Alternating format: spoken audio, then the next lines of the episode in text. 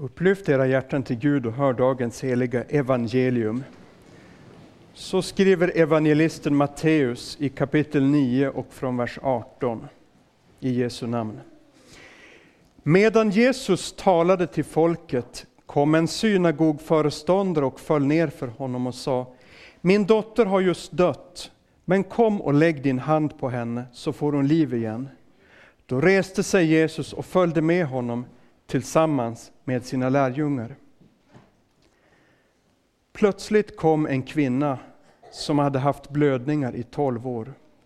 Hon närmade sig Jesus bakifrån och rörde vid hörntofsen på hans mantel, för hon tänkte om jag så bara får röra vid hans mantel så blir jag frisk.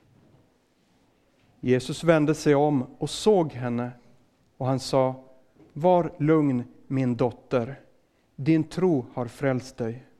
Och från den stunden var kvinnan frisk. När Jesus kom fram till synagog, hus och såg flöjtblåsarna och den upprörda folkskaran sa han Gå härifrån, flickan är inte död, hon sover. Då hånskrattade de åt honom. Men när folket hade skickats ut gick han in och tog flickans hand, och hon reste sig. Och ryktet om detta gick ut i hela området. Så lyder Herrens, så lyder det heliga evangeliet. Lovad vare du, Kristus.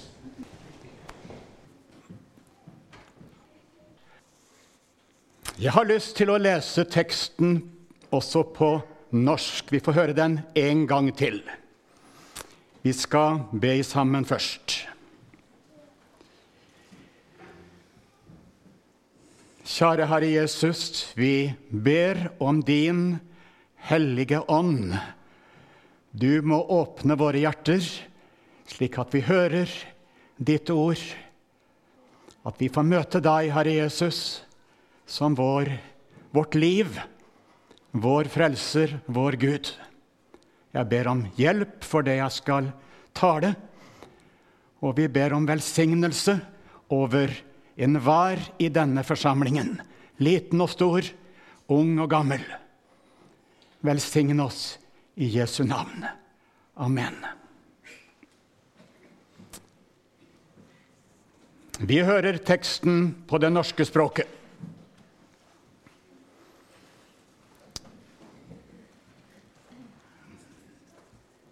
Mens han talte til dem om dette, kom en forstander og kastet seg ned for ham og sa:" Datteren min er nettopp død, men kom og legg hånden din på henne, så får hun leve.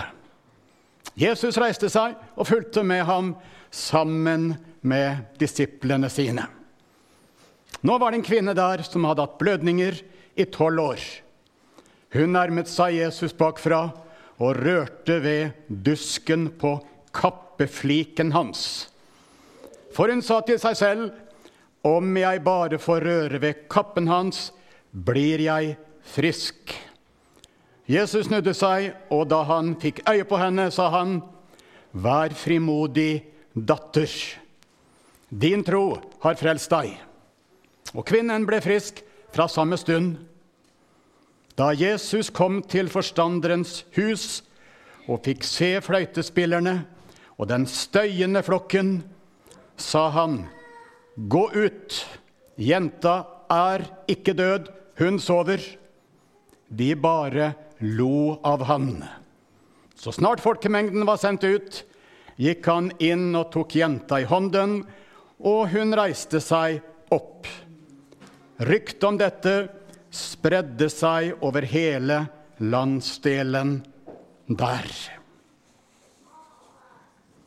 Amen. Hvem hører vi om i denne teksten? Det er på en måte to hovedpersoner pluss Jesus Kristus. Det er en datter til en forstander, synagogeforstanderen, lederen i den jødiske forsamlingen, hans datter, som var død og blir levende. Også den andre kvinnen med blødning, som blir frisk, og begge i møte med Jesus. Vi møter en tredje person. Vi møter pappaen til den døende flikkan. Vi møter Jesu venner, disiplene, lærjungene. Og vi møter en folkeskare som sørger, og som skratter til Jesus. Denne teksten den står også i Markusevangeliet, kapittel 5. Her leste vi ni vers. Ni vers. Går vi til Markus, så leser vi 23 vers. Så der har vi mange flere detaljer i teksten. Og de må jeg nevne, for det skaper liksom et dypere bilde av hele teksten. Vi får mange små, enkle detaljer som vi ikke leste nå, men i parallellteksten i Markus. Hvor gammel var flikkan? Hun var tolv år. Hun var tolv år. Det er nok noen her som er tolv år. Det tror jeg. Denne flikka er tolv år. Når pappaen møter Jesus, så sier han i Markus hun er døden nær. Hun er døden nær. Når han kommer til Jesus, så, så, så er hun ikke enda virkelig død. Men når Jesus kommer til huset, da får han høre du kommer for seint. Du kommer for seint. Du kommer for sent. Hun er død. Og da sier Jesus til pappaen Nei, han sier til pappaen mens de er på vei til den syke, til den døende Frykt ikke, bare tro. Frykt ikke, bare tro. Og når Jesus skal hjelpe den syke piken, så er det ikke bare at han tar henne i hånden, men han taler ord til henne. Talita kumi, står det i vår bibel. Det betyr, pike, jeg sier deg, stå opp. Og når det er skjedd, så sier Jesus til folket, ikke fortell om dette underet, men nå skal dere gi denne piken mat å ete.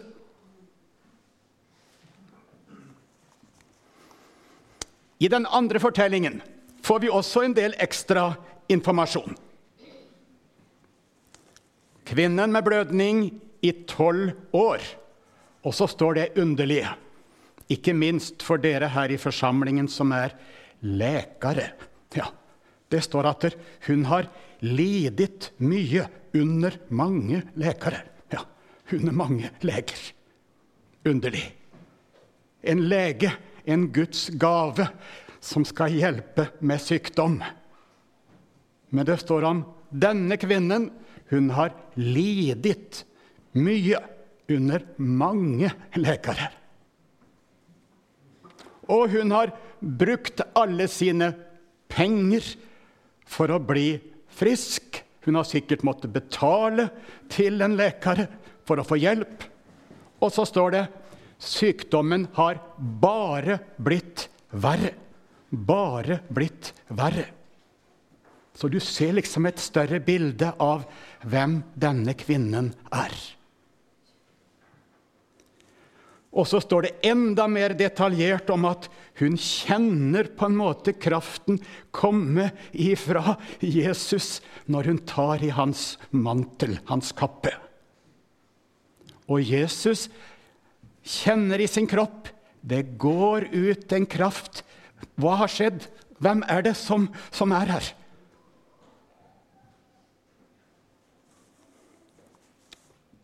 To ulike historier. Hva forkynner det til deg. Hva forkynner det til meg i dag? Først skal vi tale om eh, Jairus sin datter. Ja, vi nevnte også det. og nevne det. Synagogeforstanderen heter Jairus. Han er ikke bare en synagogeforstander, han har et navn. Jairus. Vi skal først høre om Jairus sin datter. Og så skal vi høre mer om kvinnen med blødning. Jairus sin datter, hun var døden nær. Og etter hvert så er hun virkelig død. Men Jesus sier hun sover. Hun sover. Og når menneskene som vet at nå er hun død, og Jesus sier hun sover, så står det i den svenske bibelen de hånskrattade av han. Så det var ikke mye respekt for Jesus i denne menneskemassen. Men de sørger over den døende.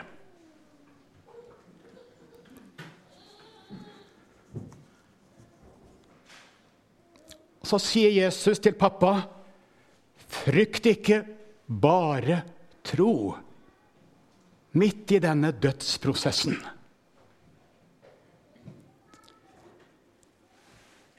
Hva lærer vi? Skal ikke vi forholde oss til døden?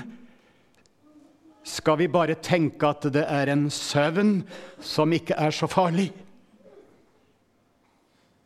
Døden kalles den siste fiende. Skal vi be for døde mennesker? Noen kristne i dag vil hevde det.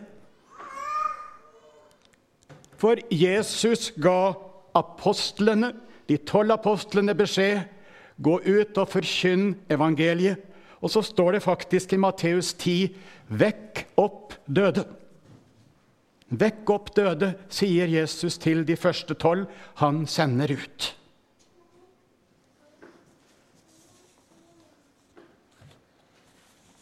Skal vi gjøre det? Vi tror at dette forkynnes av Jesus til de første tolv. De skal se og erfare nå er himlenes rike kommet nær ved Jesus Kristus. Jesus viser det tre ganger i sitt liv. Han vekker opp døde personer. Vi har også eksempler fra apostlenes virksomhet. Det er døde som blir helet, lekt levende. Dette skal fortelle nå er himlenes rike kommet til jorden. Jesus er her, og de får kjenne noe av himmelrikets krefter, som er sterkere enn alle syndens og dødens krefter. Det forteller at en gang så kommer det et rike hvor det ikke er synd, hvor det ikke er gråt, hvor det ikke er død, hvor det ikke er smerte. Og nå, på Jesus, Jesu tid, når han sto fram, så fikk de kjenne noe av disse himmelrikets krefter. De var nære. Men når du leser i brevene når apostlene skriver til de ulike forsamlingene, så står det ingen plass at 'nå skal dere vekke opp døde mennesker'. Det gjør det ikke.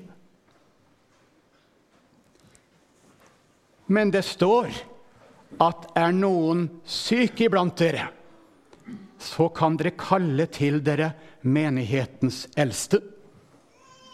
Og de kan salve den og be for denne personen i Herrens navn.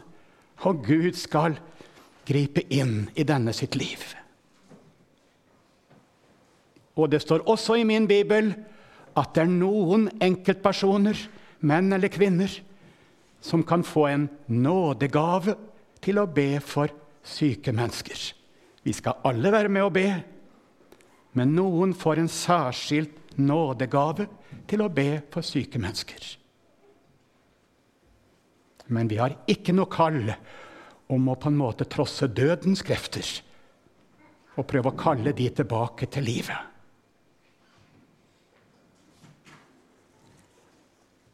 Men inn i denne situasjonen så forkynner Jesus likevel i denne teksten Frykt ikke, bare tro.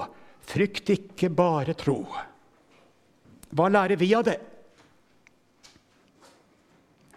Om det ikke gjelder den fysiske død, så er det ganske mange ting som vi møter i livet vårt, som er preget av syndens og dødens krefter. Har du noen gang tenkt at nå er jeg i en situasjon hvor det ikke finnes håp? Alt er håpløst. Det kan ha med sykdom å gjøre, det kan ha med helt andre ting å gjøre. Det er ikke noe håp slik vi mennesker forstår det. Alt er mørkt. Ingen kan hjelpe oss. Ingen kan hjelpe deg. Ingen mennesker kan hjelpe deg. Og så sier Jesus til deg, frykt ikke, bare tro. Det handler ikke om at du skal ha en sterk tro, men det handler om at vær ikke redd. Det fins en Gud som er sterkere enn alt som er håpløst. Du har en Gud i himmelen som har større makt enn alt det som du tenker. Ingen kan hjelpe. Du har en Gud som har makt.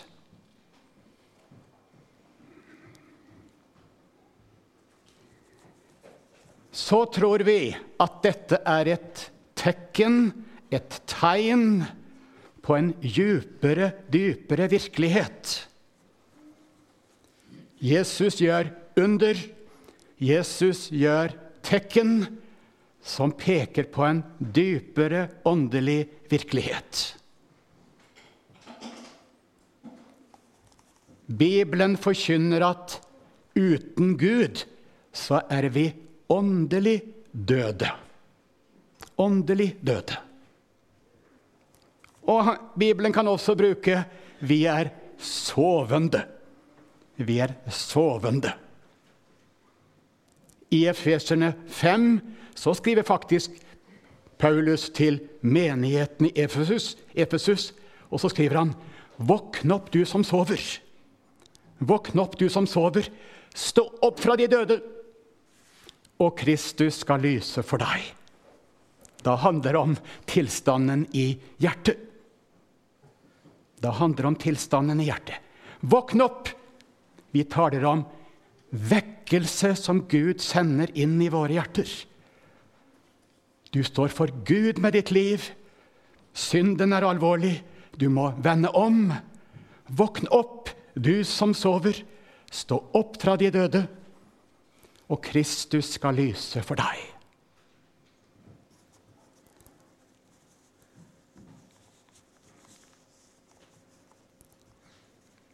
Her var en pappa som kom med sin datter.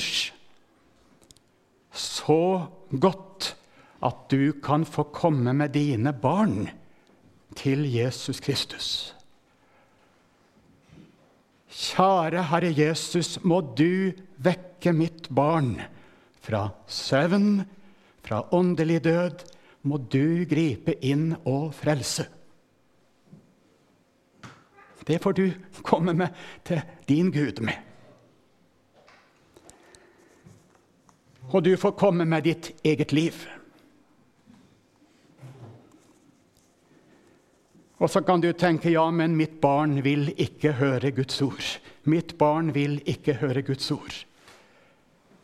Ja, men kanskje ditt barn hørte Guds ord da det var liten? Det har noe av Guds ord i sitt hjerte må Gud få vekke dette ordet til live, slik at det taler inn i barnets, ungdommens, den voksne sin, sitt samvittighet.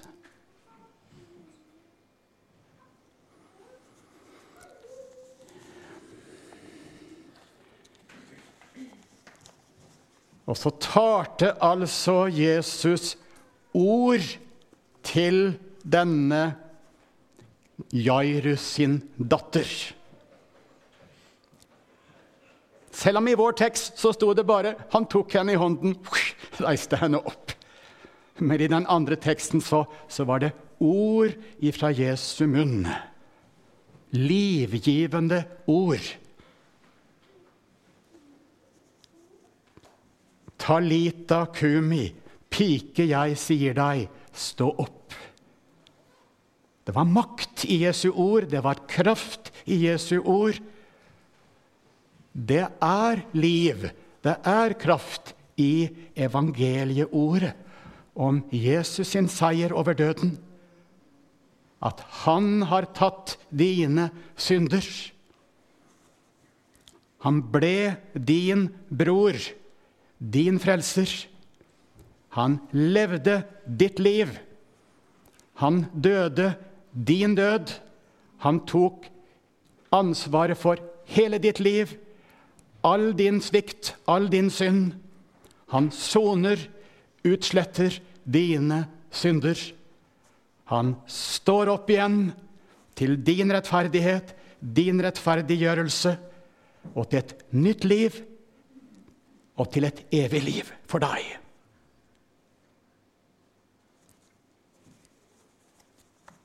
Så du får høre Guds ord, og så skaper dette ordet liv i ditt hjerte.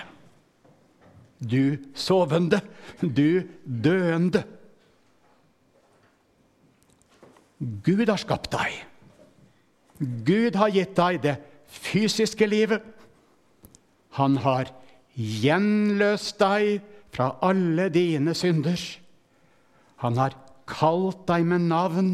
Han sier, 'Du er min'. Det taler Jesus til den døende, til den hjelpeløse, som er løftet fram framfor Jesu føtter. Og nå er du her framfor Jesus. Det er han som taler gjennom Bibelen. Vi ser også for oss døende mennesker i Israels, eller i Egyptens I ørkenen på vei fra Egypt til Israel, Kanons land. De ligger der døende. Så henges det en kobberslange opp på stangen. Og så var det liv i å se på denne kobberormen. Slik opphøyes Jesus på korset for at hver den som tror på ham, ikke skal gå fortapt, men ha evig liv. Det er liv i å se Jesus som henger der. Jeg klarer ikke å se klart inni mine tanker, men jeg leser det i Bibelen. Se, i begge mine hender har jeg tegnet deg. Jeg ser det i Guds ord med mitt hjerte. Og jeg får si takk, Herre Jesus. Det nye livet hos en kristen det er ikke et produkt helt eller delvis litt meg og litt Gud. Det er bare ordet fra Jesus som skaper liv. Og så vitner fortellingen om, eh, om denne Jairus sin datter. Det vitner jo om en oppstandelse der fremme. Det vitner jo om at Jesus har vunnet over døden ved sin død og sin oppstandelse. Jesus tar det til Martha ved Lasarus sin død. Da sier Jesus, 'Jeg er oppstandelsen og livet.' Den som tror på meg, skal leve om han enn dør. Du tror på Jesus. Du dør i dette livet, det må vi regne med, hvis ikke Jesus kommer tilbake før du dør. Du dør, men du dør likevel ikke, for du har et evig liv. Du har fått Jesu oppstandelsesliv i deg. Og det lever. Du går hjem til Gud, borte fra legemet, hjemme hos Herren. Og så venter det en oppstandelse. Jesus kommer tilbake, og han roper ut sitt ord, og de døde skal stå opp ifra gravene. Det skjer når Jesus kommer tilbake. Og så står det både om en livets oppstandelse og en dødens oppstandelse. En oppstandelse til liv, og for noen en oppstandelse til dom.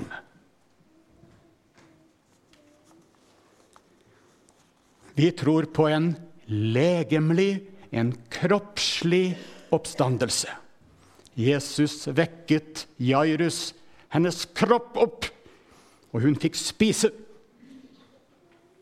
Jesus sto opp, og han spiste fisk. Noen sier det, i hvert fall i Nord-Norge, at det er fisk som er oppstandelsesmaten. Ja, ja, det er oppstandelsesmaten. Han spiste fisk sammen med sine venner i det fullkomne Guds rike, i oppstandelsen, i det evige riket, så er det en legemlig oppstandelse hvor vi kan spise og leve et virkelig liv i evighet sammen med Gud.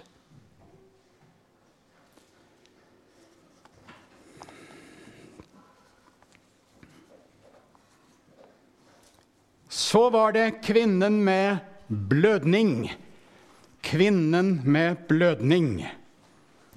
Å, du aner denne. Å, for en smerte hun har. Å, for en smerte. Hun har en kraftig, ond sykdom. Og hun har søkt den gode hjelpen, som vi tenker, å gå til en doktor, en lege. Men disse legene i Israel denne gangen de har ikke kunnet hjelpe henne. Hun har betalt med sine penger. Hun har betalt med sine penger. Men, hun, men det står faktisk disse legene har bare påført henne mer lidelse. De har påført henne mer lidelse.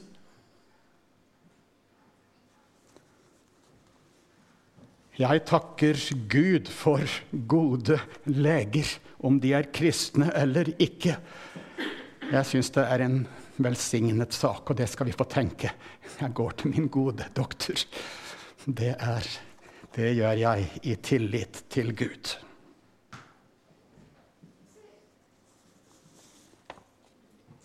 Ingen mennesker kunne hjelpe henne. Og så kommer Jesus forbi, og håpet hennes hos denne kvinnen. Vi forstår hun vet noe om hvem Jesus er. Jesus, Messias, Davids sønn. Hun forstår at han ikke er en hvilken som helst mirakelmann, men han har med Gud å gjøre. Om jeg bare kan få komme nær hans kappe. Jeg vet at han er Gud. Han har makt.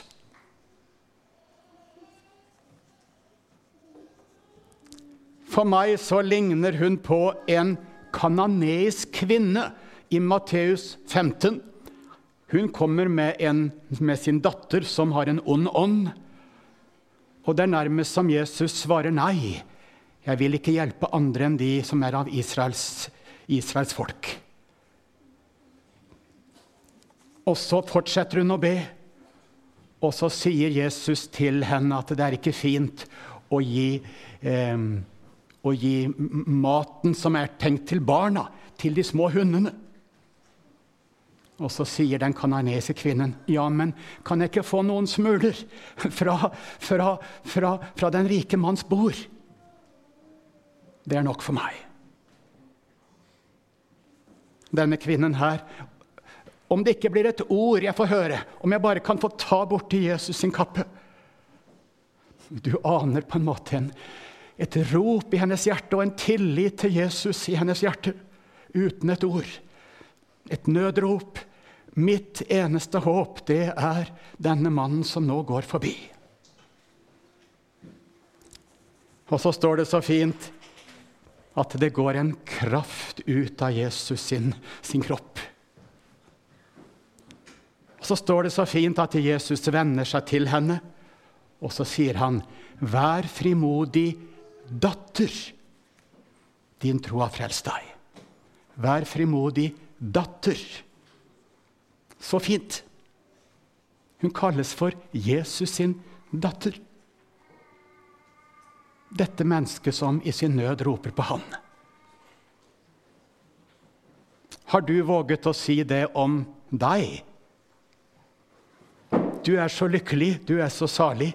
Du er faktisk Gud i himmelen, Jesus Kristus sin datter. Ja, du er jo hans barn ved troen på Jesus. Og du får være hans gode sønn og hans gode datter. Det er liksom så nært. Vi tenker på denne pappaen her som hadde en sånn oh, min datter må få hjelp! Min datter må få hjelp! Og så er den syke her Jesus sin datter. Jesus sin datter. Og de som er syke i denne forsamlingen, som roper på hjelp, de er Jesus sin datter. Ja, ikke bare de fysisk syke. Men denne blødningen, det er vel en illustrasjon av andre ting i våre liv.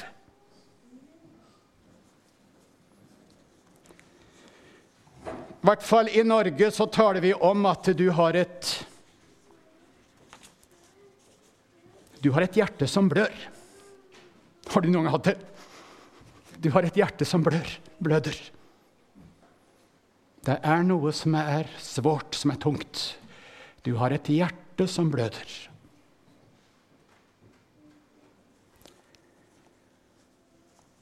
I denne fortellingen så var det også påført av andre mennesker. De tenkte nok at de skulle gjøre godt, men de påførte denne kvinnen lidelse, mer lidelse, mer lidelse. Og så hender det midt i vår kristne forsamling. Noen ganger uten at jeg er klar over det, andre ganger så vet jeg om det. At vi kan påføre andre mennesker lidelse. Og Noen ganger så er det den aller tyngste lidelsen det er den som blir påført av min kristne bror. Av min kristne søster. Det er ofte en ekstra tung smerte. Og så er det ikke alltid min søster er klar over hvor mye lidelse hun har påført meg.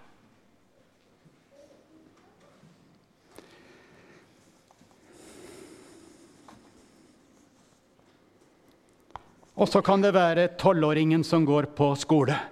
Han blir påført lidelse av noen som sier mobbende ord, stygge ord. Påfører deg smerte. Det kan være femåringen, det kan være tolvåringen. Det kan være den unge personen som møter ord og blikk og, og, og holdninger ifra venner de som en trodde var gode venner. Og det kan skje også midt inn i det gode hjemmet. At vi kan påføre hverandre lidelse.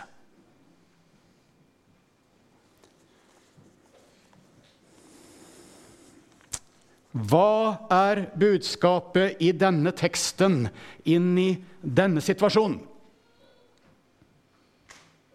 Hva er budskapet i denne teksten inn i denne situasjonen.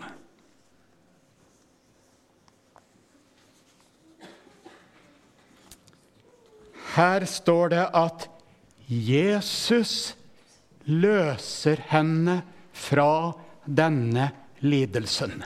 Hennes egen sykdom, hennes egen smerte. og det som andre har påført henne.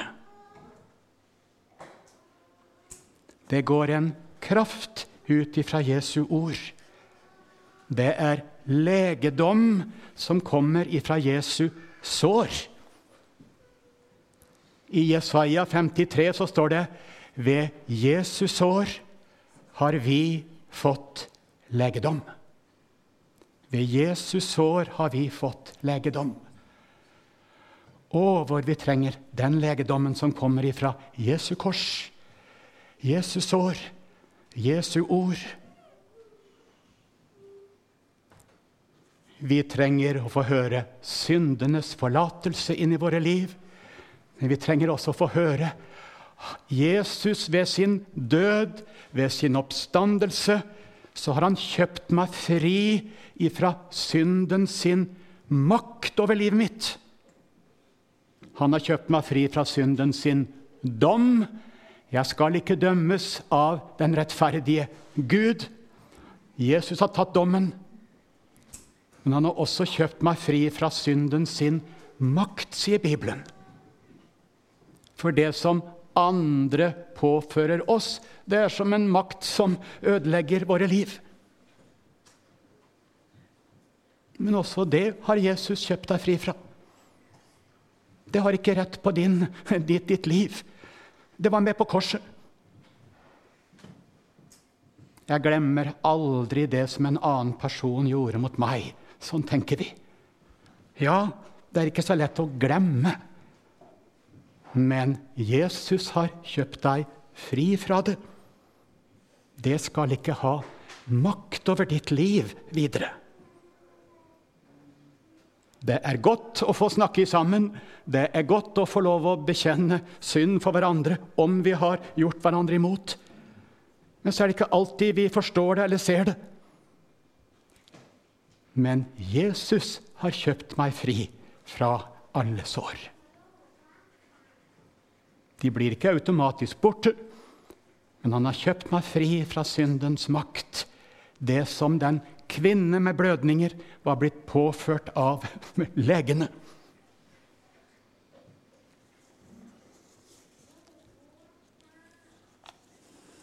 Det går ut en kraft ifra hans kappe, står det.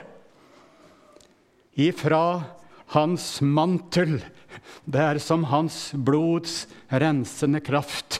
Dette er før Jesus sitt kors, men likevel det er i kraft av Jesu kors, Jesu død, Jesu oppstandelse, at dette skjer også under Jesus sin vandring. Det er i kraft av Jesu kors at det kommer en kraft ifra Jesus sin kappe. De møter Jesu person. Og i Jesu person så er det han, både hans død, hans oppstandelse, hans liv. Og så møter de Jesus Kristus selv, og så kommer det en kraft ut ifra han. Hans nådesord, hans rensende blod, som renser ifra all synd all synd. I dag skal vi få gå til Nei, det skal vi ikke. Jeg tenkte at vi skulle ha, ha nattvær i dag, men det skal vi ikke.